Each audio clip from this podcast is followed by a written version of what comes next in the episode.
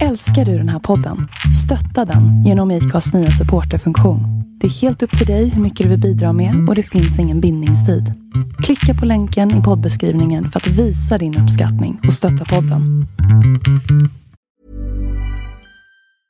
Ryan Reynolds here from Mint Mobile. With the price of just about everything going up during inflation, we thought we'd bring our prices down. So to help us, we brought in a reverse auctioneer, which is apparently a thing. Mint Mobile unlimited premium wireless. Ready to get 30, 30, bit to get 30, bit to get 20, 20, 20, bit to get 20, 20, bit to get 15, 15, 15, 15 just 15 bucks a month. So, Give it a try at mintmobile.com slash switch. $45 upfront for three months plus taxes and fees. Promo rate for new customers for limited time. Unlimited more than 40 gigabytes per month. Slows. Full terms at mintmobile.com.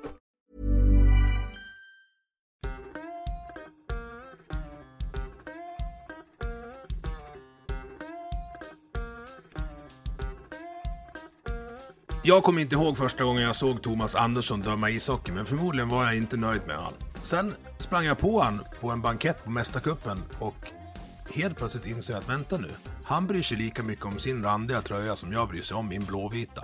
Hur kan det vara så? Den här människan måste jag prata med. Och så börjar vi prata, jag och domaren. Och jag tror vi vart kompisar Thomas, kan det vara så?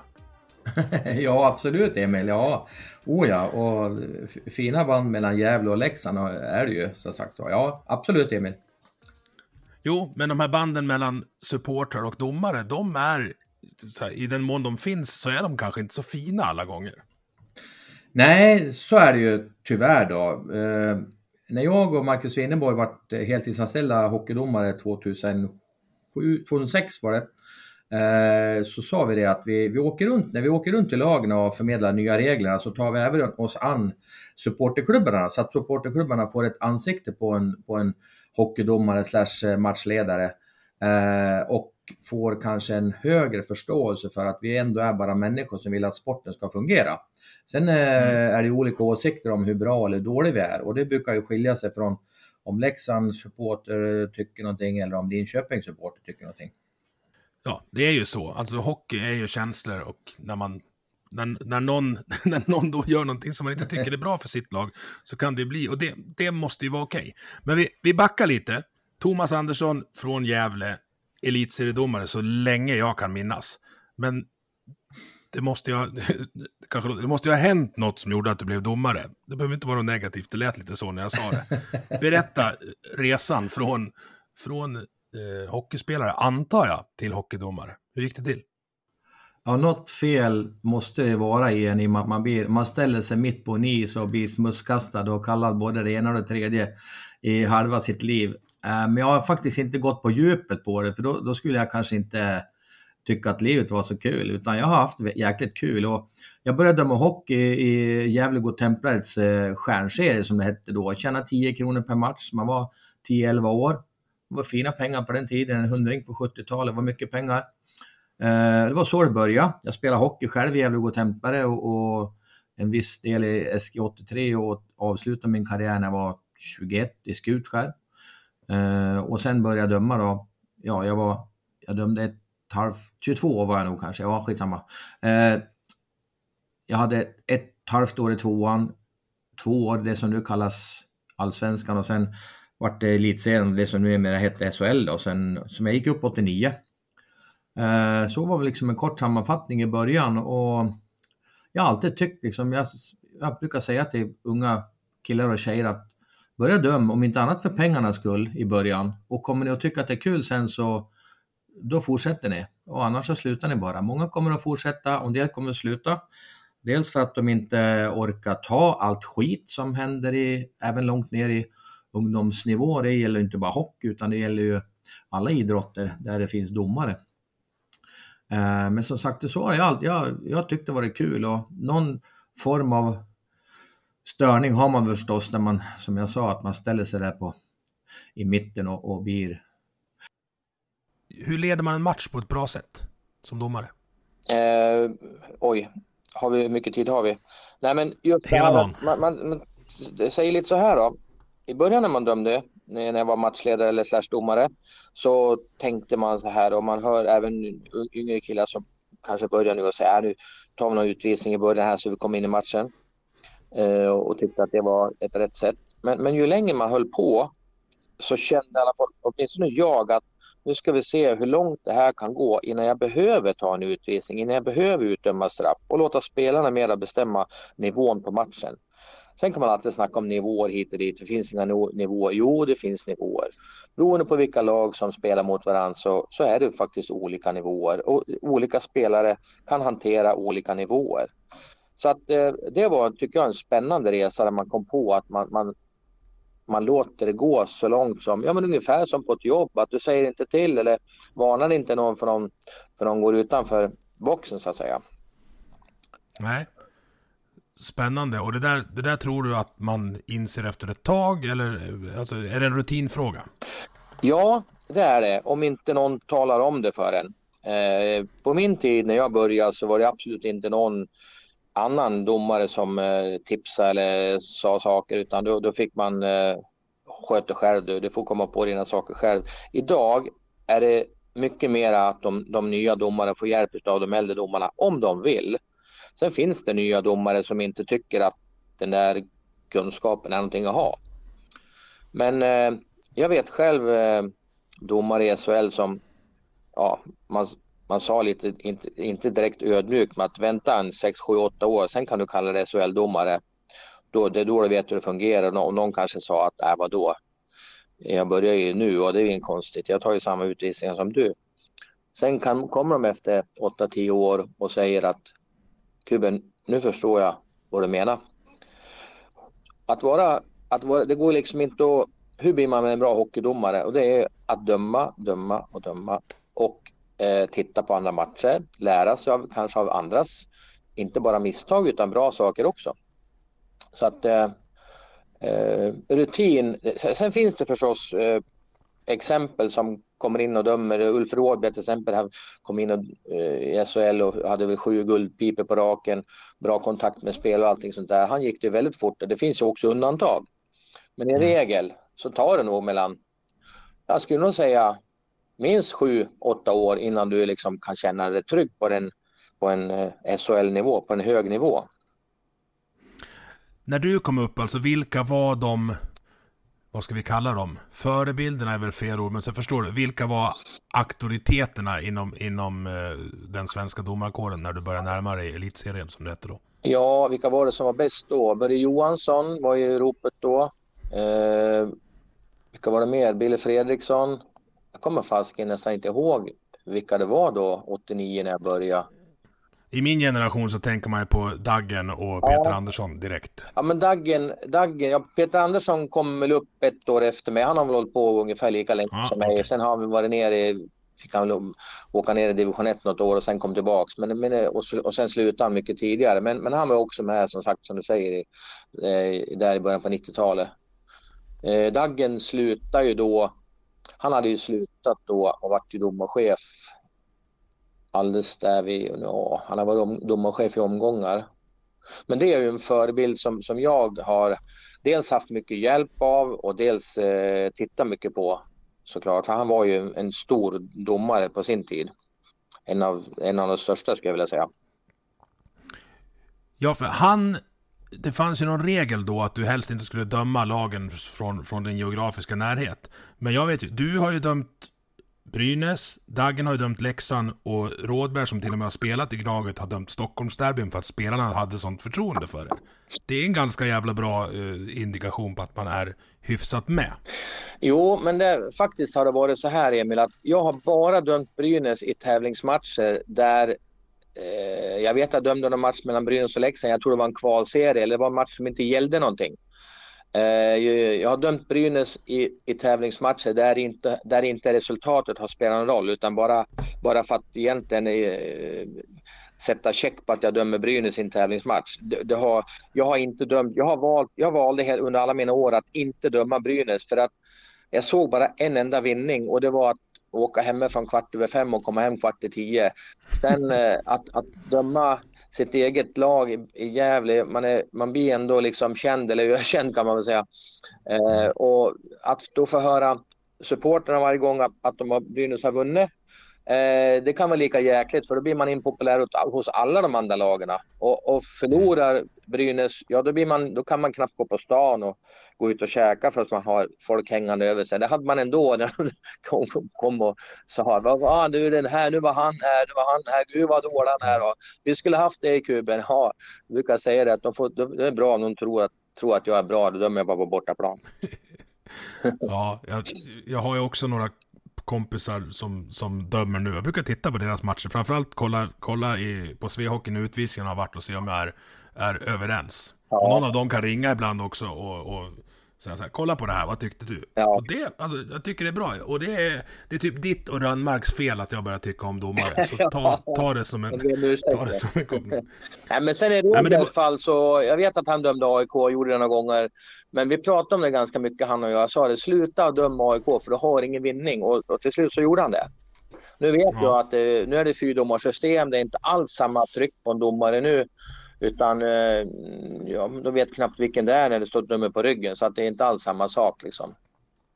För risken är ju att, att antingen Eh, jag, jag, tror att det är en större risk att man överkompenserar åt andra hållet om man skulle döma så att säga sitt eh, hemmalag. Att man vill liksom inte riskera att få en stämpel på sig som att man är partisk, så att det kanske slår över. Ja, absolut, det är helt rätt. Det, jag menar, jag dömde Brynäs i träningsmatcherna och eh, många gånger så var de kanske inte galen på mig, men lite argsinta i alla fall. Jag sa det, men ni får, ni får fasiken tänka på att jag ska döma det här laget hela säsongen. Er dömer jag bara nu. Så att, ja. Mm. Ja, det, det, jag håller med dig. Det, det, det, det, är aldrig, det är ingen vinnande situation för, för en domare. Sen är det väl skillnad också om en spelare reagerar på ett domslut direkt när det händer. Och hur man, hur man pratar om det tio minuter efteråt. Ja, ja. Du förstår mig? Alltså, oh, ja. Det är så många abuse of officials som man får blunda över de första 15 sekunderna kan jag tänka. Och bara tänka att ja, ja, han är lite arg nu. Ja, så är det ju faktiskt. Och och många, många, det är det här med många säger så här, ja men, ja, men i stridens hetta, ja men okej okay, säger vi som eh, hockeydomare eller domare överhuvudtaget, vadå stridens, man kan ju inte få säga vad som helst i stridens hetta, men viss del får man ju faktiskt eh, tolerera såklart. Och det, och, ja, eh, men, men som sagt, eh, det lärde man sig också med åren och, och, och kanske mera erkänna sina misstag direkt istället för att sånga sig blodig för att ha rätt. När man dessutom kanske inte hade någon ja, men det spelar ingen roll. Det är väl ungefär som att man säger till barnen, får vi, får vi käka frukost framför tvn? Nej, säger man innan man har ens hunnit fundera på vad man säger. Och så tänker man, varför sa jag nej för? Utan, ja, mm. vissa fall, man behöver inte vinna alla fighter. Och säger man till en spelare att jag, jag, förlåt, ja, jag gjorde fel, ja, ja då är diskussionen ja. över liksom. Eller jag såg det inte. Exakt. Så, nej, vad ska man säga då? Ja. För det är ju jag såg någon uträkning om att en domare tar ungefär, ja men någonstans, i varje fall norr om tusen beslut per period. Ja. Och då är inte det bara om man ska blåsa eller inte blåsa, utan det är ju hur man ska placera sig och, ja. och, åt vilka håll man ska titta, om man ska åka framlänges eller baklänges. Eh, det är kanske inte så många som vet det, men jag har faktiskt gått domarkursen för att vi hade Niklas Hjellstedt som ungdomsansvarig och han, han tyckte jag gnällde för mycket på domaren så han tvingade mig att gå den. Ja. Uh, och det var, ja, det, så här, jag gnällde ju ännu mer efteråt för nu tyckte jag att jag kunde ja. allt också, även om jag tyckte det innan. Nu var det ju domare, Sen fick jag, säga. Mm. Sen fick jag sluta döma för att det var så, av någon anledning så var det så jävla långt i isen man skulle plocka upp pucken och jag är ju stel som ett gips. ja, precis. Ja. Jag tänker på regelboken. Alltså den är ju, om man, om man läser den, vilket jag faktiskt gör. Eh, det går ju inte att applicera den hundraprocentigt hela tiden. För då skulle det vara tre mot tre rakt genom, rakt genom matchen. Ja. Eh, om, man tar en, om man tar en sån utvisning som crosschecking. Den eh, bedöms ju olika beroende på var på plan det är. Skulle du ta samma crosschecking-utvisning framför mål som du gör i mittzon. Då skulle vi inte ha det här närkampsspelet framför mål. Hur gör man den avvägningen? Eh, det är oftast egentligen spelarna själva som gör den avvägningen. Eh, de är mm. nog ganska, ja men all, alla vet egentligen att framför mål får du stångas lite mer än vad du gör mitt på banan.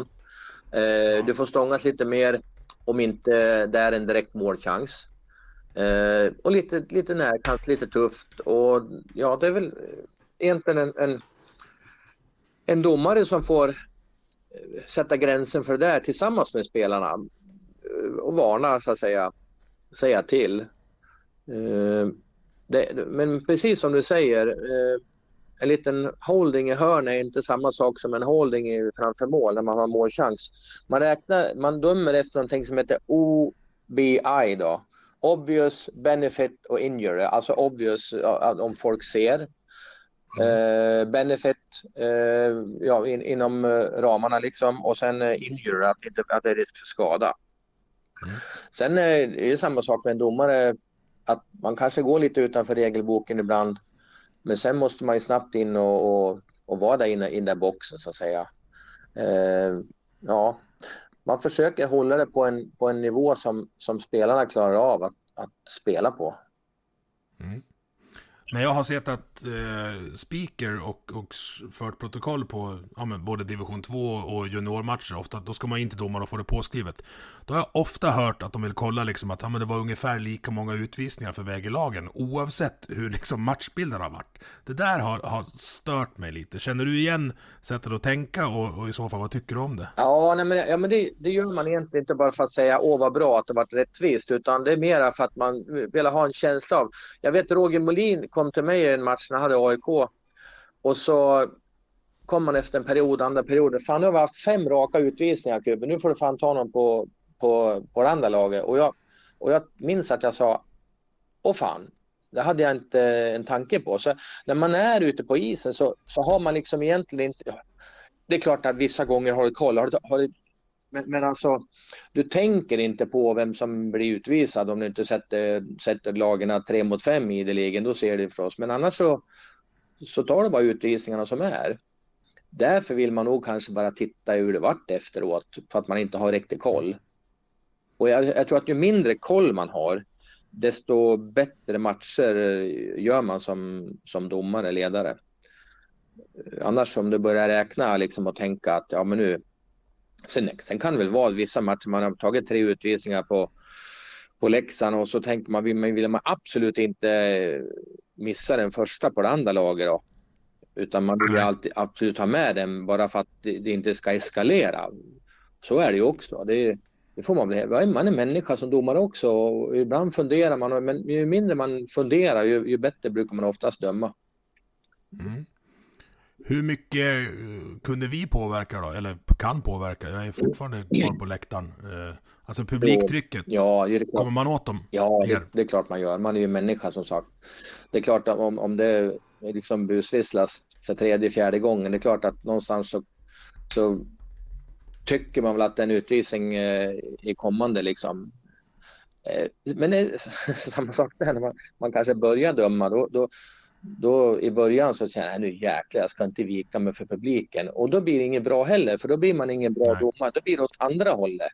Men det är klart för att eh, man blir påverkad av, av vad, vad läktaren såklart. Det är det ju. Eh, Sen måste det vara roligare att döma med publik. Alltså jag kan tänka mig de som dömde under pandemin. Vilket, vilket skit rent ut sagt. Ja, vilket skit rent ut. Jag håller med dig. Det, det är ju det är sån otrolig skillnad att vara domare på när det är livat och du tänkte dig själv när liksom det kommer till avgörande matcherna i slutspel och allting sånt där. Liksom det är fullsatt och det är liv på läktaren och sen är ju Leksand är väl liksom ändå det lag som Ja, det, finns nog inget lag i, i Sverige som har, som har sån läktarkultur som det, som det har varit i läktar, Leksand i alla år. Både med och motgång och det är ju fantastiskt. Ja, även på bortaplan är vi ganska många, så när vi åker runt, vi får ju Ja, vi triggar ju igång hemmapubliken också, så vi får ju alltid möta den bästa hemmaklacken de har nästan, eventuellt med undantag för, för några derbyn. Så ja. det är... Ja. Det är både bra och dåligt. Ja, precis. Jag förstår. Nej, men det är väl Leksand och i, viss mån kanske Brynäs som har supportrar runt om i landet. Och det ja. här rör sig liksom sedan 70-80-tal då de var så stor, både Leksand och Brynäs. Kanske ännu mm. tidigare också. Men eh, som du säger, liksom, eh, ja, det, det här med läktare, att döma, att döma en halvsatt, halvfull, halvfull ishall, in, ingen säger någonting, ingenting. Eh, det är, inget, det är inte lika kul. Eh, hellre att det gnälls lite. Jag, jag, hade hoppats att, att uh, ligan och förbundet skulle förstå det här lite under pandemin och kanske börja jobba lite mer aktivt med supportrarna. Men man, jag tycker inte man gör det. Jag tycker inte man jobbar särskilt aktivt med domarna heller. Jag hade en idé någon gång för, för när jag var på, när jag var på kansliet, när jag klev av läktaren, eh, så var jag nere och intervjuade spelare eh, i paus på isen, upp på jumbotronen. Och då stod man vid sargen sista två minuterna. Och först då förstod man hur jävla fort en allsvensk eller en SHL-match går. Och särskilt när man står med ögonen på samma nivå som ögonen på spelarna. Jag förstår inte riktigt hur ni klarar av det och jag har större förståelse för de eventuella misstag ni gör. För det är som att stå in i, en, i någon slags blender. Det är folk överallt. ja, hur, hur vet du vad du ska titta? Ja, och framförallt när det bara var en huvuddomare. Ja, ja, ja det, du har helt rätt där. Jag brukar också säga till de som sitter på tionde raden och klagar, gå ner till sargkanten och, och, och, så kommer ni att fortsätta klaga, men kanske inte lika mycket. Men du kommer Nej. att se att det går ganska fort då. Ja, men det, det är också lite att, att man att vara domare eh, med erfarenhet och, och rutin, ju mer matcher du dömer så lär du dig att se ibland i förtid när det, när det kommer att hända någonting och när det kommer vara en utvisning. Och du ser ju vilka spelare du ska titta på extra noga och vilka du törs lämna bakom ryggen och vilka du inte törs lämna bakom ryggen. Det handlar mycket om, om sådana saker som är, som är bra för en domare att kunna ha med sig när han går in till en match. Menar du att man måste ha olika förhållanden till Jens Bergenström och Andreas Jämtin? ja, eller Micke Johansson, Djurgården. Ja. Men han, han, han drog väl kanske på sig sex minuter på tio år. Han behöver man liksom inte, Mm. han kan man släppa bakom ryggen hur mycket som helst. Eh, Men eh, ja, det finns ju andra då som man inte vågar det med. Nej. Men sen, Och särskilt när man, när man har två på isen. Det finns ju någon sekvens där när, vad är det, det är Ledin och Jämtin som åker och cirklar varandra i tre byten. ja, Och då vet man, det måste ju ni märka på isen också att helvete, här håller det på att koka ja. över. Absolut, men, men det var också intressant tycker jag, för det man kom på med sista åren när man höll på att döma att eh, eh, man tänkte sig, fasiken, hur man kommer de här spelarna in på livet lite grann. Eh, för för det, det finns, i alla lag så finns det ledare, de är utnämnda med C och AA oftast. Men sen finns det också informella ledare som, som man eh, vill ha med sig för att, för att du ska lyckas som, som domare eller kunna leda matchen på ett bra sätt. Ungefär som på ett företag, man måste komma åt den där som skär toapapper utan eh, de får inte göra det utan man måste rätta in sig leder de också. Eh, Så, så det tycker jag var intressant att just det här eh, matchledarskapet, eh, kommunikationen med spelare och ledare, att kunna göra sig, ja, men att kunna, som du säger då, när de cirklar runt varandra i tre byten, man bara kunna åka fram till dem och, och säga, "Jag ser vad de håller på med, men gör inte det här i mina matcher. Det, ni får göra det någon annan, någon annan gång. Ta det lugnt nu. Ja, lite sådär. Man tar de här killarna på rätt sätt och försöka, komma, försöka bli vän med dem på ett bra sätt så att säga. Men man vill inte strypa det heller, för alltså sådana där profiler drar ju publik. Ja, absolut. Ja, nej, det kan jag väl tycka ibland i dagens läge att det är för få av de där. Eh, som är lite som ställer till det lite, som ändå gör lite, lite bus och eh, ja, det, det måste finnas lite bus och lite så här ra- rackartyg också kan jag tycka. Får inte bli för slätstruket. Eh, Nej men alltså och- att möta, möta, Malmö, att möta Malmö Redhawks utan Sylvegård, det är som att läsa en Astrid Lindgren-bok när det bara är Tommy och Annika. Det blir inte så jävla roligt. Nej, vi måste ju ha kling och klang med också. Ja, Nej, det, är, det är det- lite så. Eh, och, och ibland så har man ju tyckt kanske att när någon där liten sån där liten halvligist om man säger fått en liten tjuvsmäll så ja, då tyckte man att det kanske var ganska bra. Han hade förtjänat där och så ja, blir det ingen utvisning. Ja. Det, ja, Nej men alltså, så är man en hård... Så här, utger man för, för att vara en hårding, då får man fan vara en hårding också. ja, lite så. Eh, det, det, ja, precis. Genom åren så har det funnits några stycken, så helt klart. Väl... Men såg du också, när vi, när vi gick upp mot Modo där, fast vi egentligen inte skulle, det var ju helt bisarrt att det gick. Eh, efter avgörandet där uppe, den kramen mellan Frögren och Per-Åge Skröder är bland det vackraste jag sett. Ja. För alltså, som de rök ihop, alltså Ja. åldermän med muskler, Ja. alltså så fort det var en avblåsning och de var på isen så låg någon av dem ner. För att den andra hade varit där. Mm. He, och det var, det var ju sju matcher rakt igenom.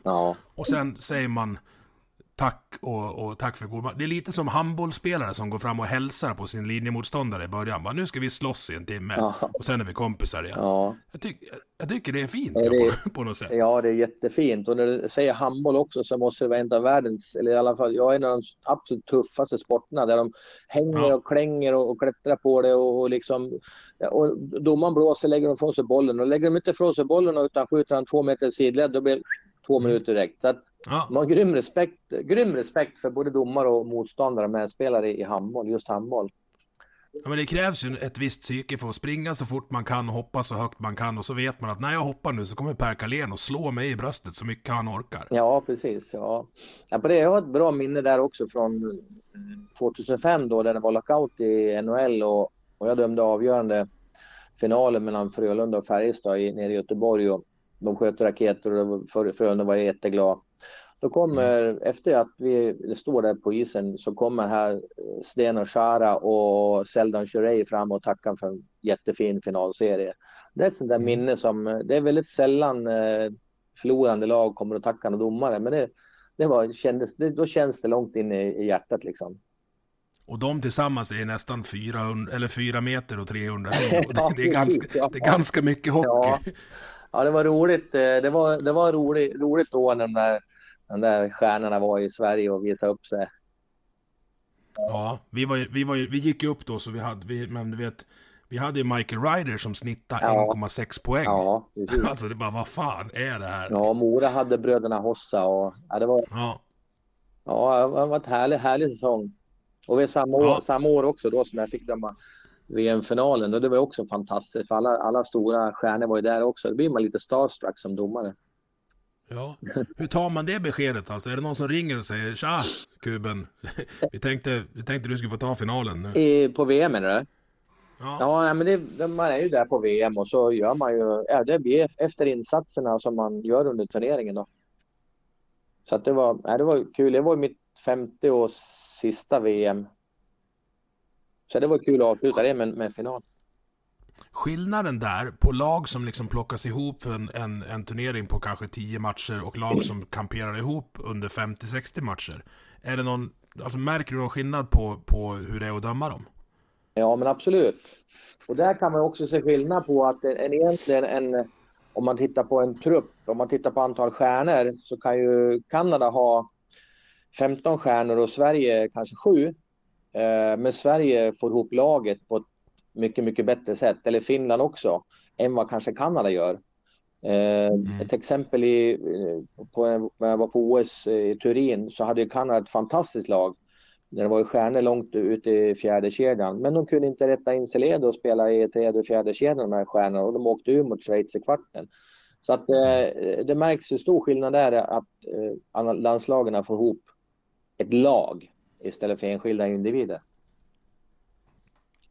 Ja, och jag tänker tänk också om vi stannar kvar vid typ lockouten och internationell hockey där. Skillnaden i professionalitet till eh, sin sport märker jag, nu är det ju inte alla som kommer över hit, men typ all, alla jänkar och kanadicker som vi har haft i Leksand som jag har jobbat med har ju liksom varit, alltså oftast en nivå högre när det gäller professionaliteten. Även de som eh, var liksom tuffingar hade, det var, det var, det var business för dem. Ja, jo så är det ju absolut och, och, och det var ju fantastiskt. Eh, dels att se dem spela men också hur de behandlar oss domare. Det, det var ju, de var ju bra rakt igenom i handen. Och det är de är van i från NHL.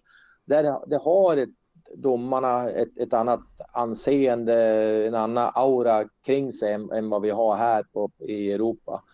Eh, mycket beroende på att eh, ja, domarna, alla domare är heltidsanställda där borta, spelarna är definitivt sedan jätte, jättelänge och man har en helt annan respekt för varandra. Tycker att det har blivit bättre här i Sverige, jag tycker det. Även fast det kastas skit i tidningarna även nu. Skulle det kastas skit i tidningarna i NHL så ja, då handlar det om 200 000 i böter. De sköter internt. Rätt eller fel, men jag tror att klimatet blir bättre för de som är inblandade i NHL. Både domare och spelare. Med ledare. Jag, upp, jag upplever, de mickar ju upp domarna ibland i NHL om man får höra. Jag upplever att, att de har, inte säga mer dialog, men liksom en tuffare dialog. Det, man hör ju någon domare säga bara fuck off till någon som, som pratar för mycket. Och säger, säger det istället för att ta en, en, en tvåa. Upplever du någon skillnad där? Quality sleep is essential. That's why the Sleep Number Smart Bed is designed for your ever evolving sleep needs. Need a bed that's firmer or softer on either side? Helps you sleep at a comfortable temperature? Sleep Number Smart Beds let you individualize your comfort so you sleep better together. JD Power ranks Sleep Number number 1 in customer satisfaction with mattresses purchased in-store. And now save 40% on the Sleep Number limited edition Smart Bed for a limited time. For JD Power 2023 award information, visit jdpower.com/awards. Only at Sleep Number stores or sleepnumber.com. There's never been a faster or easier way to start your weight loss journey than with PlushCare. PlushCare accepts most insurance plans and gives you online access to board-certified physicians who can prescribe FDA-approved weight loss medications like Wigovi and Zepbound for those who qualify. Take charge of your health and speak with a board-certified physician about a weight loss plan that's right for you. Get started today at plushcare.com slash weight loss. That's plushcare.com slash weight loss. plushcare.com slash weight loss. Ja, men absolut. Eh, Det kunde man göra här i Sverige också på min tid. Man kunde dra åt, eller håll käften. Eh, Men nu går ju liksom, säger man håll käften här, det, det är lite konstigt för att om du säger fuck off, är det egentligen ett tyngre ord än håll käften? Men fuck off har ju blivit ett milt ord, fuck, fuck, fuck. Ja, men vänd det på svenska om vi skulle åka omkring och säga så. Det, det funkar ju inte. Så att just att engelskan har, om man säger de där orden, en mildare betydelse som gör att man kan använda dem. Eh, Det skulle ju inte kunna gå att använda. Det är väl ingen, som, ingen domare som åker och skriker fuck till någon spelare här hemma. Men man kunde, man kunde säga tidigare att men stick för fan. Eller, men, men nu är det, man ofta så mickad och en del spelare tycker att man blir Åh, domaren sa si och så. Jo, men alternativet, eh, det kommer en ledare ja, du, du var min spelare, dra åt helvete. Ja, det gjorde jag. Men alternativet har ju varit att ni har fått två minuter. Men jag kan ju ta två minuter nästa gång. Nej, nej, nej, nej det är lugnt kan de säga då, ledarna. Det, det fanns, ju, fanns ju spelare som gick till, till, till mamma och, och skvallra. Hur känns det då? För, för man kan ju inte vara hundraprocentig eh, även om man vill. Alltså när, när man har gjort någonting som är fel. Liksom man, man kanske, kanske ser det på tv när man kommer hem eller du får reda på det i en paus av någon supervisor och sånt. Vad, vad gör man? Ja, man gräver ner sig och, tänkte jag säga. Det gjorde man ju. Eller det gör man. Men sen är det också så här att man gör fel. Alltså en hockeydomare. Jag, om man nu dömde en match och man märkte att shit, idag var inget bra, men vad skönt att det ändå inte påverkar resultatet så tillvida. Men har man gjort någon riktig groda som ena eller andra laget vinner på eller förlorar så det känns ju bara skit. Eh, Man kan ju bara be om ursäkt och säga att jag är ledsen, jag gjorde fel, jag ser det nu och eh, jag ska försöka göra det bättre nästa gång. Jag kanske stod fel eller bla bla bla. Men eh, det går liksom inte att gräva ner sig för det är en ny match om två dagar oftast. Men man har det med sig och, och man försöker att inte göra om samma misstag igen. Misstag kommer kommer- alltid ske. Nu kommer jag låta som någon slags domarälskare, men det är inte så att spelarna gör mål på alla lägen de har heller. Så det är, det är ju misstag även från dem. Nej, men absolut. Eh, Jag menar, jag, jag brukar ta ett exempel. Jag tycker faktiskt att en kille som Tommy Salo eh, på OS var det väl va? Mm. Eh, han släpper in en puck för mittzon och det är han liksom typ ökänd för och fått djävulskt med skit för. Men att Sverige drar på sig massa onödiga utvisningar i andra perioden, det är liksom ingen som kommer ihåg. Eller att Och att man inte gör mål på Vitryssland man fast man har, har lägen. Exakt, exakt. Och en spelare i, i SHL som missar upp ett mål tre gånger och så rå- råkar jag ta en dålig utvisning så de förlorar. Det är inte någon som säger någonting heller. Jämförelsevis så jag brukar snacka med målvakt om det här. För jag brukar säga att målvakt eller domare, det blir inte det. För du- får alltid skit liksom. Du kan vara hur bra som helst efter nio minuter och så gör du en groda då. Men en, spel, en anfallare han kan missa mål tre gånger. Ah, det var bara otur idag.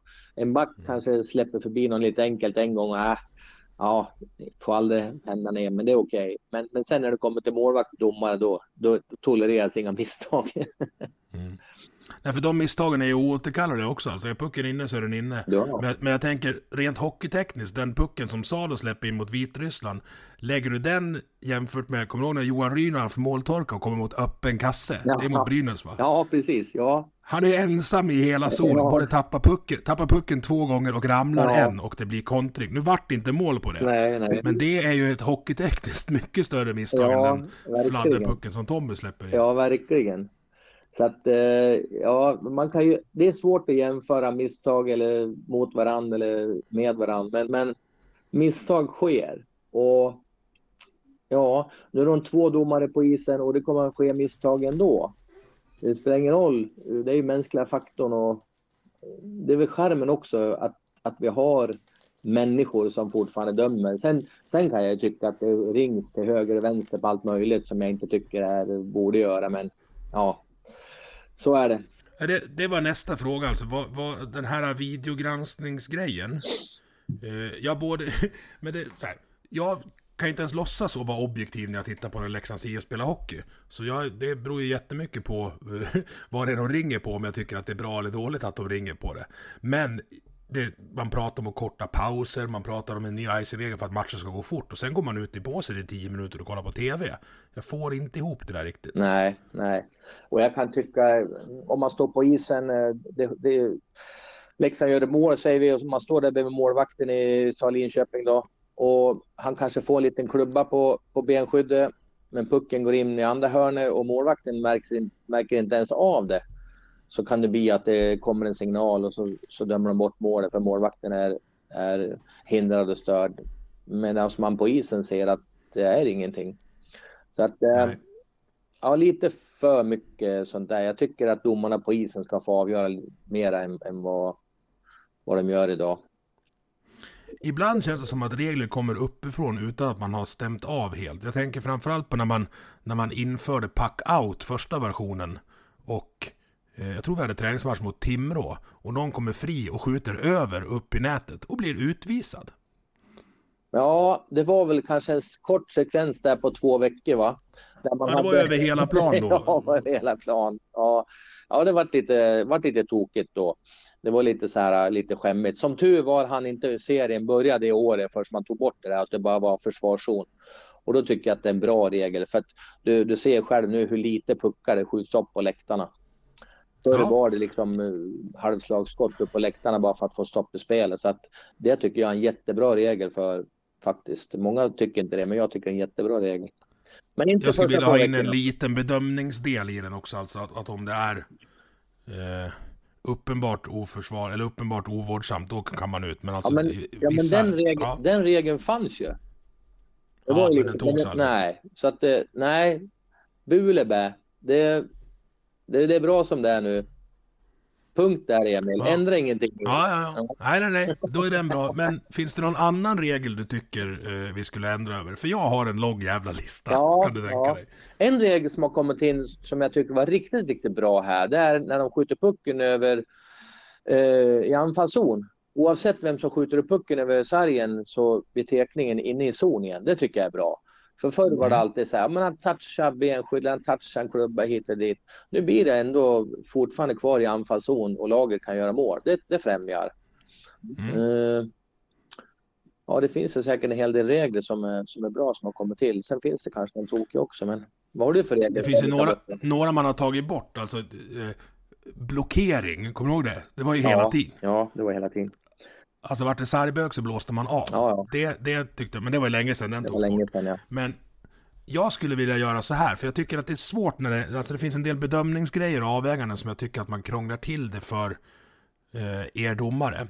Jag skulle vilja ändra avvaktande utvisning. Eh, det här med att eh, felande laget ska ha kontroll på pucken, står det ju nu. Ja, För det är ofta en jävla svår bedömning. ja, Jag, jag skulle vilja att eh, om, om, nu blir det lite teknikaliteter här, men om spelet förläggs i felande lags försvarszon. Ja. Alltså om du har en avvaktande utvisning på Linköping och Leksand tar in pucken i anfallszon. Mm. Då blåser man inte förrän Linköping har fått ut den över blå. Ja, det tycker jag var en bra regel. Det tycker jag verkligen du kan propagera för. för det, tycker jag för det som skulle kunna hända då är att när vi plockar målvakten, mm. det första killen som kommer in gör är ju att ta sargen så att sarghörnet inte är, är i spel. Alltså mm. Alltså han tar blålinjen där. Mm. Jag tror att det skulle främja, dels tror jag det skulle bli mer mål på det. Det skulle göra att utvisningar i egen zon eh, blir farligare att ta. Mm. Ja, men det var jättebra där. Det, det skriver jag under på. Bra, då är vi, då är vi överens. Så tycker jag att man ska få slåss också. Är vi fortfarande överens då? Nej, det tror jag inte faktiskt. Eh, nej, jag misstänkte man, det. Ja, nej, men alltså. Det, jag tillför ju inte hockeyn någonting eller någon idrott liksom. Men boxning kan tillföra det förstås då, för där får du ju slåss. Men, eh, Har du hört hur det låter i en arena när de kastar handskarna? Ja, ja, att publiken, men, men liksom då får, du, då får du titta på NHL då. Men de har ju också mer eller mindre slutat med det där. Liksom, det hör ju till 70, 80 och kanske 90-talet lite grann. Men, men eh, nej, att man får så slåss. Eh.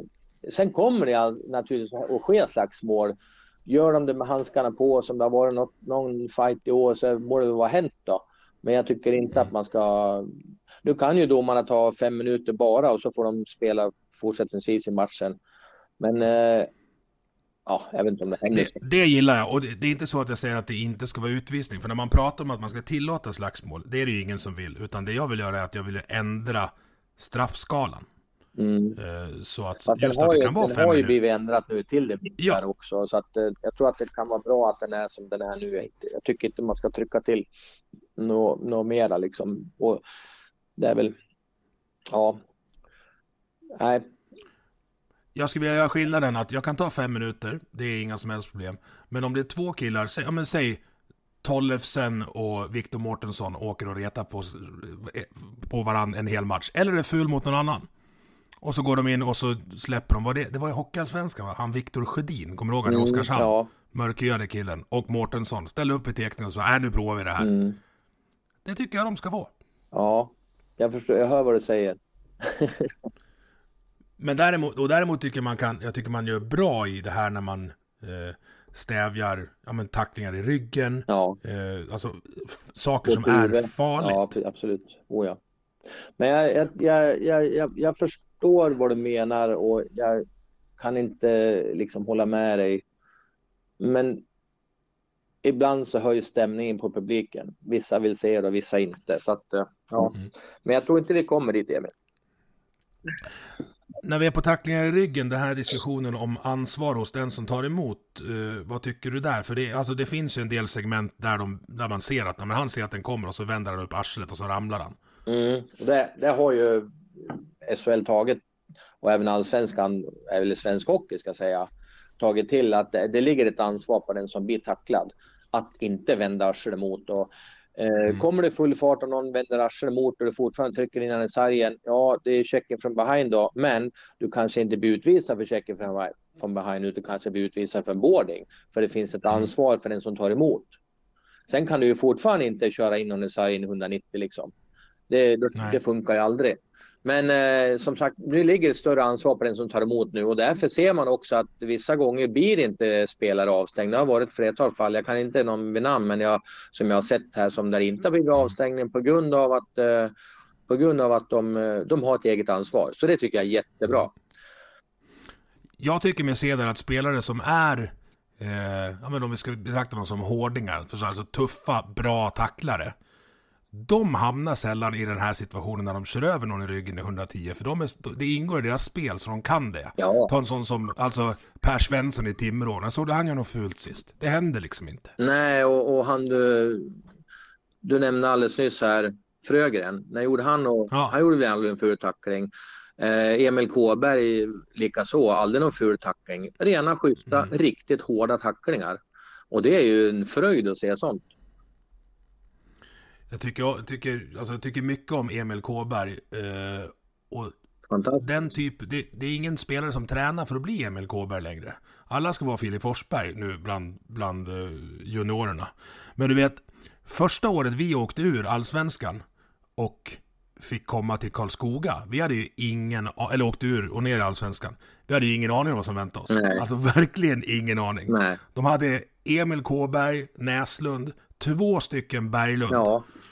Och Daggen liksom. Ja. Alltså, det var uh, Philadelphia-känsla. ja, och, och det var, det var ju så att när, ja, så efter första matchen eh, nere i, i Karlskoga, då lyfte Masken Karlsson luren och ringde Daniel Jademyr. Ja, jo. Bara så här, du, du får då komma hit nu för så här kan vi inte ha det. ja, det var, inga lätt, det var inga lätta poäng att hämta nere i Karlskoga då inte. Nej, det är det fortfarande, Nej, det är fortfarande inte. Alltså. Den kulturen lever kvar. Ja, jag tycker ja. det är så roligt att, att det finns ja, lag faktiskt. som sticker ut. Så var det ju i Luleå ett tag också, alltså Holmström, Rosén, ja. Bulan, Fredrik Svensson. Ja. Man var ju rädd för fan. Ja, jo visst var det så. Jag kommer ihåg någon match som man hade mellan Luleå och Djurgården. Det var ju riktiga holmgångar uppe. Jag dömde en match där John Odoja var med i Djurgården och mm. Per Ledin i, i, i Luleå. Det var, ja, det var mycket, mycket, mycket roliga saker som hände längre tillbaks. Nu är, nu är det lite lugnare. Ja, är det bra eller dåligt egentligen? Ja, jag vet inte vad man ska säga. Det, jag, jag tycker att eh, det var roligt förr, men nu har det blivit, jag vet inte, det, det är en annan typ av spelare och spel. Eh, det går mycket fortare nu, de, de satsar på fart. Det går ju jättefort mm. som sagt Det gick fort förr också, men inte alls lika fort. Och med det så kanske försvinner det här lite, lite tuffa närkampsspel och du hinner inte med. Och och med det också tyvärr så hamnar du i sådana här situationer där du tar ett huvud eller ställer då olyckligt. Eh, och de grejerna, den respekten som fanns förr då, eh, den kan, ibland, kan jag ibland tycka att den saknas lite grann. Hur man, hur man ens kan sätta upp en armbåge och trycka till någons huvud. Det, jag tror inte det hände på 90-talet, men jag pratar mycket med masken om det här i som huvud. Det var ju knappt någon som fick någon ful tackling i ryggen då för man, man var lite var, man var försiktig, man såg, tittade upp, man, såg, man ställde sig inte i de situationerna. Idag tycker jag att många spelare försätter sig i taskiga situationer. Mm. Det, var, det var sämre skydd. Det var ja, ja. Eh, in, inte den här nolltoleransen mot hooking som infördes i slutet 90, början 00. Eh, den har, det har ju orsakat en ganska hög fartökning. Ja, absolut. Uh, Orsakat eller vad man ska säga, men det har gjort att, i alla fall att det blivit en, en fartökning, helt klart. Och, och, det må väl vara bra att det inte var så, men, men kanske någon liten fasthållning var bra på den tiden och då var det inte sådana stora skador när det vart någon som vart tacklad sådär. Mm. Därför man tittar på gamla matcher, det finns ju några på Youtube och man, du har väl VHS-band här också, alltså det är inte samma sport som för 20 år sedan. Nej, jag såg, jag, jag tittar själv på Eh, jag dömde avgörande finalen mellan eh, Färjestad och Luleå 97. Mm. och i guldmatchen. Och jag tittar på den matchen och ja, domaren var mycket petigare förra matchen sa de och jag, jag tänkte fasken, jag, jag tar ingenting här och tog ingenting. Ja, man tog ingenting. Det var jättemycket situationer som mm. idag hade vi renderat utvisningar så att det var en helt, som du säger, helt annan hockey. Det där är våran final det. Det där är ju fortfarande ont att höra 97. Jaså, vad var det då? då? Vi, vi hade ju 3-0 mot Färjestad efter första perioden i femte avgörande semin. Jaha, åh fan. Ja. Mm. Så, så det är... Mm, ja. Jag är, jag, och sen vann Färjestad. Ja, du är bitter. ja. ja. Och snacket var ju att våran, våran spelar ingen roll vilken som vann vår semi för Luleå skulle bara äta upp dem som kom upp. Men ja, så, så, så vart det inte. Nej. Jag kommer Myllys var i Müllers var i, stod i Luleås kasse där och Müller körde väl på mig lite grann och jag satte någon hand på huvudet men ändrade domslutet där. Ja, det hände grejer då. mm. Apropå att bli påkörd, det står Jan Axel Allavara här på mitt anteckningsblock. Ja, precis. 98.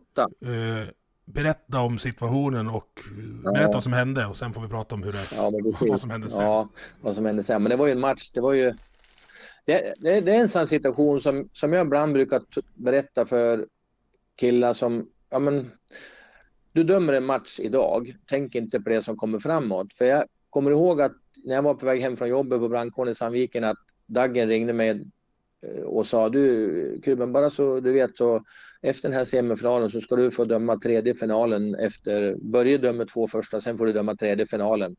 Vilka den må bli då. Eh, jag tror förresten att det var Djurgården, de ledde ju med 3-1 i matcher då tror jag mot, mot eh, Modo. Och jag skulle upp mm. dagen efter och döma Modo och Färjestad var redan klar tror jag. Jag tror det var det året Färjestad vann mot Djurgården. 98. Eh, I alla fall så mm. åkte jag upp till, till Modo och det var en omgång utan dess like. Men det var en 3-0 till Djurgården efter två perioder och man tänkte att ja, men det, är, ja, det blir Djurgården som vinner det här med 4-1. Men sen efter, i periodpausen där så måste Per Bäckman ha gett dem några otroliga energibars. För att de kom ut som retade tigrar där Modo gjorde både ett 1-3 och 2-3 och Värmdom drog klubban i plexiglas och i ren ilska och frustration. Och det var ett ofantligt liv där eh, den där sista perioden. Och jag kommer ihåg att det var tekning i Djurgårdens zon. Tommy Söderström stod i mål. Jag tänkte så här, må det inte bli kvitterat nu för då, då, blir det ju ett, ett rent jäkla helvete. Jo då. Samuel Paulsson kvitterade där, han tre sekunder kvar.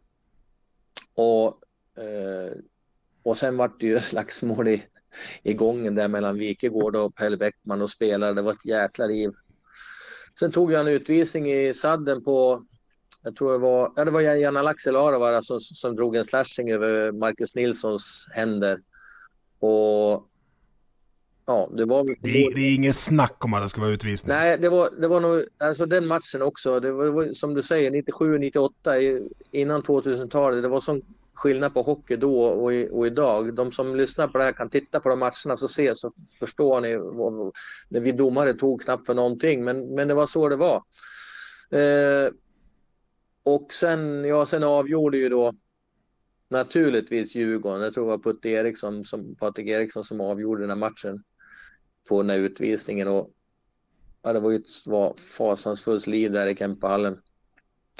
Eh, det var, en, det var en fientlig plats då att komma till. Jag har också varit i Kempehallen några gånger. Det var, det var, alltså, där var det ingen lek. Nej, det var ingen lek att döma i Kempis då, det var det inte. Det var men... ingen lek att komma som bortasupporter heller kan jag säga. Det var första gången jag fick en flaska i huvudet. Det är ett kärt minne. Ja. Uh, nej, sen, sen uh, kom ju Jan Axel från vad heter det, utvisningsbåset ut på isen där och bakom mig så kom Petter Rönnqvist och jag stannade till lite grann och så Jan Axel han knuffar mig över benskyddet på Petter Rönnqvist. Jag snackade med Petter om det då när jag jobbade lite med Simor att det var hans fel egentligen. Det är han som ska ha straff, inte Jan Axel. Jan Axel Alavara.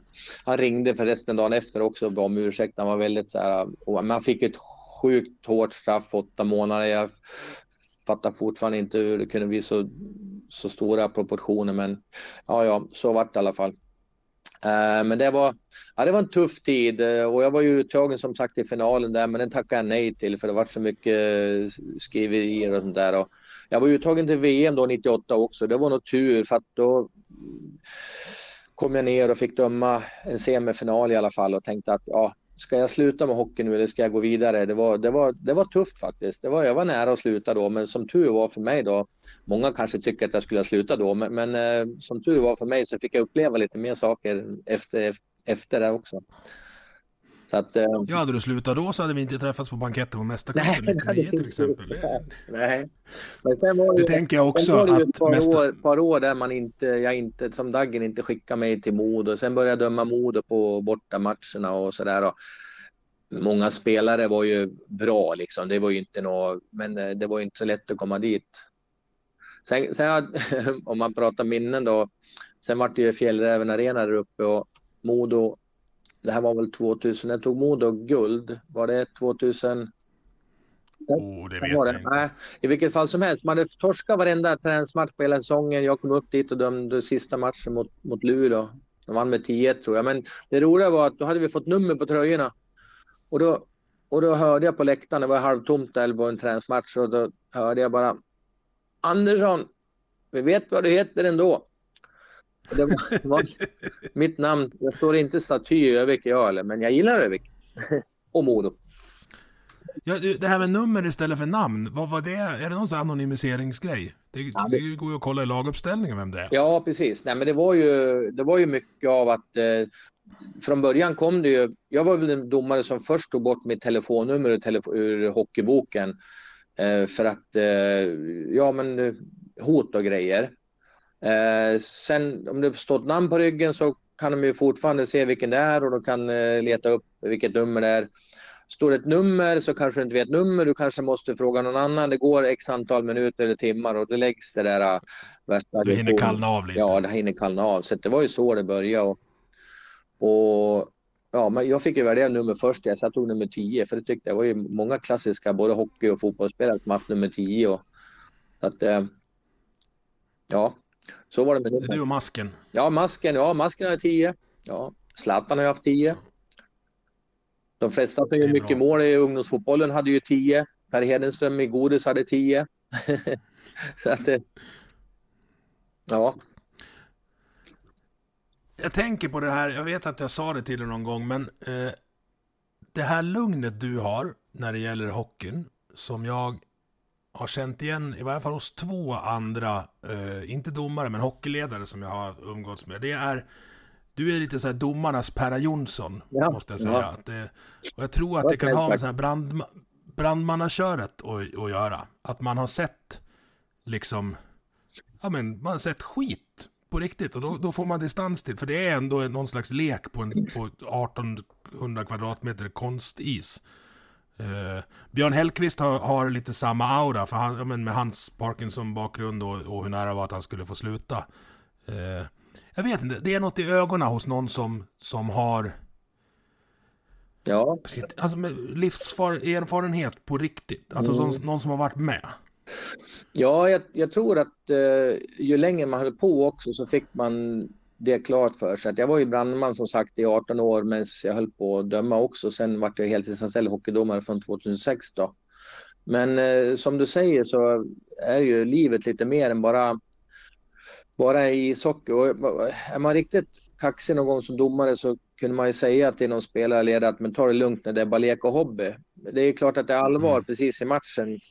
Sen är det ju, det är ju ändå en eh, det är en underhållning. Folk går och tittar på hockey för att bli underhållen och det, är ju, det får ju inte vara på liv och död. Eh, sen ska det vara allvar i det, men, men det är klart att man får ett annat perspektiv till när man, när man ser människor i sitt ordinarie jobb kanske förolyckas och, och, och, och hamna i, i, i taskiga situationer. Så att eh, jo, jag tror man kan få en viss förståelse för, för att det är mer saker i, i livet än bara en, en idrott så att säga. Finns det något samband? Alltså jag tänker på, det är ju, jag har många så domare jag känner är liksom poliser, brandmän, ambulanskillar och tjejer. Alltså kan det vara samma, alltså kan det dra till sig liknande personligheter tror du? Jag har också tänkt tanken, precis som du säger och det finns militärer också liksom. Men, men alltså, ja, det, det kan finnas någon, någon form av dragning till det liksom. Men eh, jag har ingen belägg för det så, men som du säger, många, många är just i den, i den sektorn i arbetslivet. Eh, ja, för ko mm. kollar, man, kollar man på, på ja, men så här, när du går ut på isen med två lag.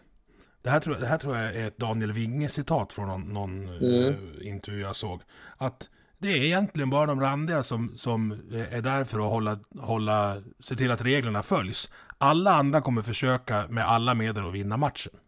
Ja, lite så är det nog. Man försöker kanske fuska lite för att vinna matcherna och man, man, man, man kan se tyvärr ibland i dagens SHL att det är spelare som vill fuska till sig genom att uh, göra filmningar och sånt där. Det, det tycker jag är beklagligt. För då lurar man ju inte bara sig själv utan man lurar ju hela sporten mm. tycker jag.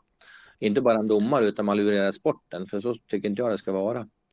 Men... Jo, man gör ju bort sig själv också. Alltså, nästa gång Kinnemin ramlar så kanske folk inte tror att det är, att det är en tripping. Ja, men alltså, det ja, det, det, var min, under min tid också. Jag behöver inte nämna någon vid namn, men det, det, det kom en kapten ibland och sa liksom, men vad fasiken, ser du inte hur, han, hur hakade han blir trippade? Ja, men vet du, hur ska jag kunna veta det? när jag är så här från det här avståndet. Jag måste vara 100% säker för att veta om han blir utvisad eller om han filmar. Och då säger kaptenen mm. också, jo, jag vet. Så att det är lite så det är. Man, man svärtar bara ner sitt eget namn.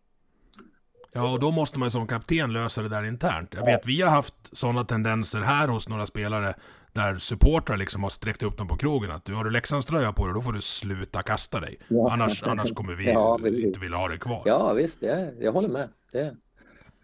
och det tror jag de gör också. Jag, jag, tror att de sköter sånt där internt. Jag tror inte någon vill se sånt där i sitt eget lag. Och inte i något annat lag heller för den delen. Nej, Nej jag hoppas att, att, uh, att man jobbar på det. Ja. Men vi stannar lite vid det här, för det, det här är nog första gången jag har hört av mig innan jag har startat inspelning och frågat om det är okej okay att ta upp eh, en grej. För du, om vi ska prata om, om allvar i livet, så hände det något för fyra år sedan, fem år sedan, som, ja, som jag inte riktigt hade koll på och som Nej. var jobbigt att läsa om. Ja, ja exakt. Eh, ja, det var ju eh, 12 augusti för drygt fyra år sedan nu så ramlade min son, eller våran son, ner från en stege från bara två meters höjd eh, på en rolig efterfest och eh, slog bakhuvudet i asfalten och vaknade inte mer. Eh, så att det är ju någonting som verkligen också har satt, sig, satt sina spår till hur, hur livet kan, det, det är så skört hur vi lever idag. Det, vi vet att vi föds, vi vet att vi ska dö, men vi vet inte när. Eh, och jag är ju 59 år nu, men har bestämt att jag ska från och med faktiskt nu på första november så ska jag sluta jobba och börja ta ut min pension. Eh, eller rättare sagt, jag ska, låta, jag ska låta staten avlöna mig nu när det som jag samlar ihop under mitt arbetsliv. Eh, sen kanske man jobbar med olika saker, men, men eh, göra saker som jag vill, resa när jag vill, träna när jag vill, medan jag är pigg och kan hålla, hålla på som, som jag gör. Eh, det här är förstås en...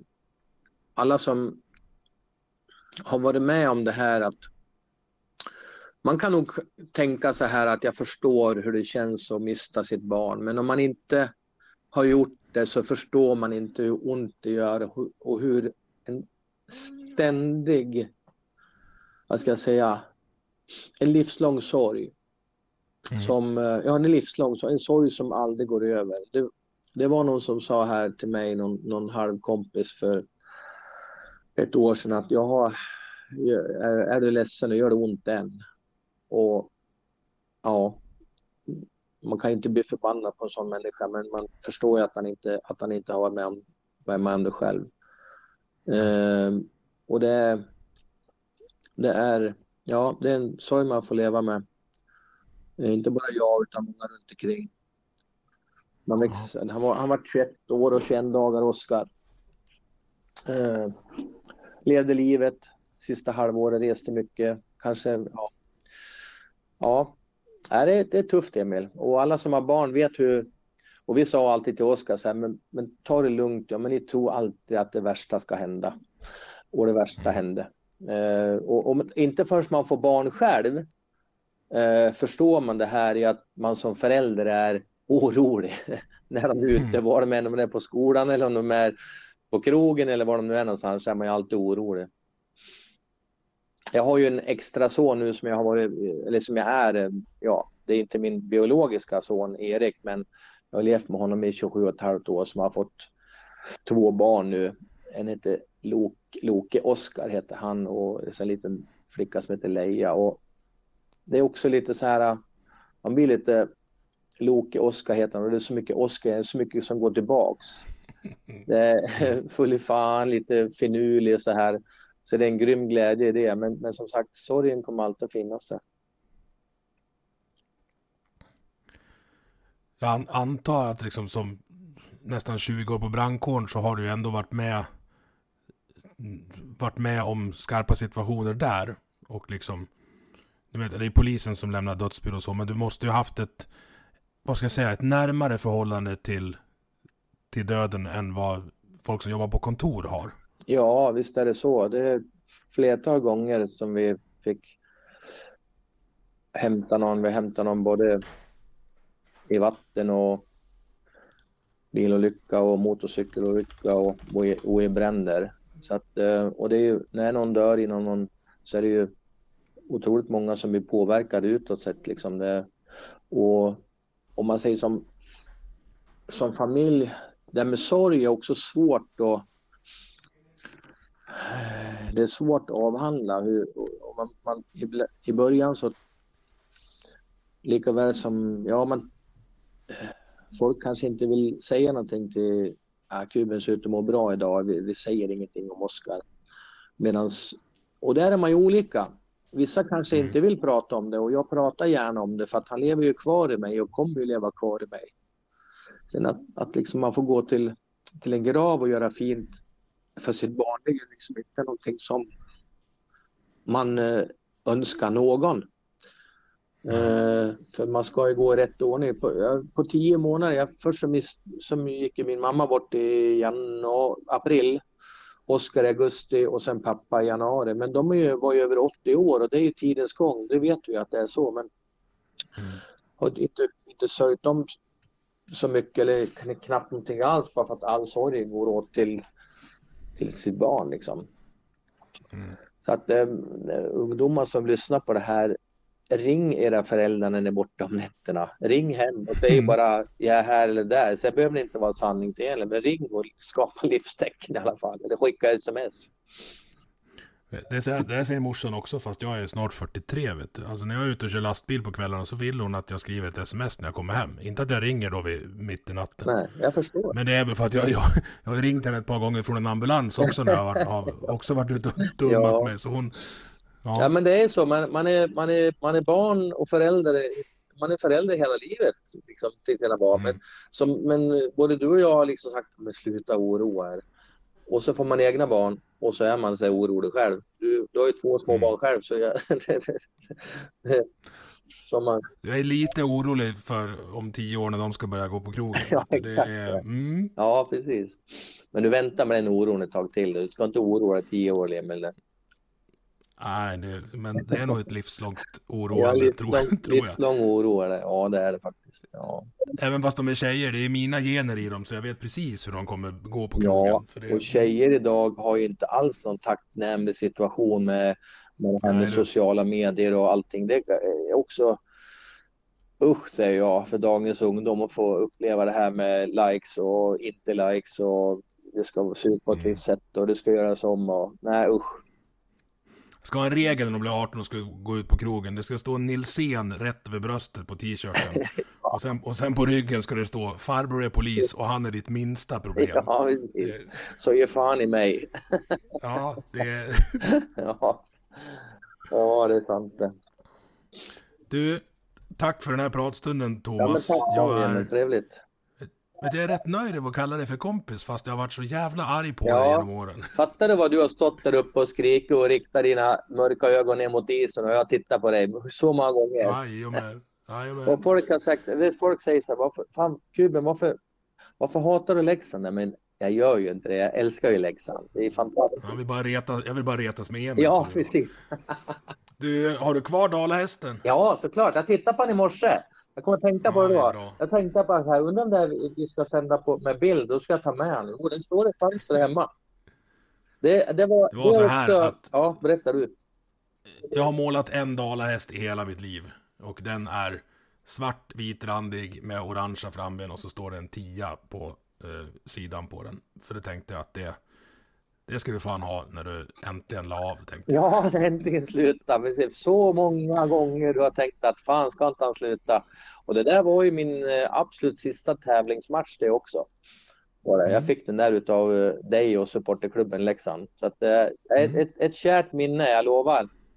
Så hälsa supporterklubben att fortsätt heja på. Ni hejar ju på ert lag i alla i ur och skur. Och du ska gå i pension första november Ja. och få göra vad du vill. Ja. Men då tänker jag att någon av de här resorna ska i alla fall komma hit till min altan så ska jag grilla en hästfilé och återbjuda på en pilsner. Ja, det får du göra Emil. Det får du göra. Det ser jag fram till. Till sommaren. Bra. Tack så mycket Ha det Kuben. gott. Tack så mycket. Hej med er. Du har lyssnat på Vi måste prata som produceras av mig, Emil Nilsson. Tycker du om det du hörde? Dela avsnittet med dina vänner och på sociala medier. Vill du stötta podden kan du göra det via Patreon där du hittar den på patreon.com snedstreck vi måste prata i ett ord. Eller så swishar du en slant till nummer 123 671 46 79. Vi hörs!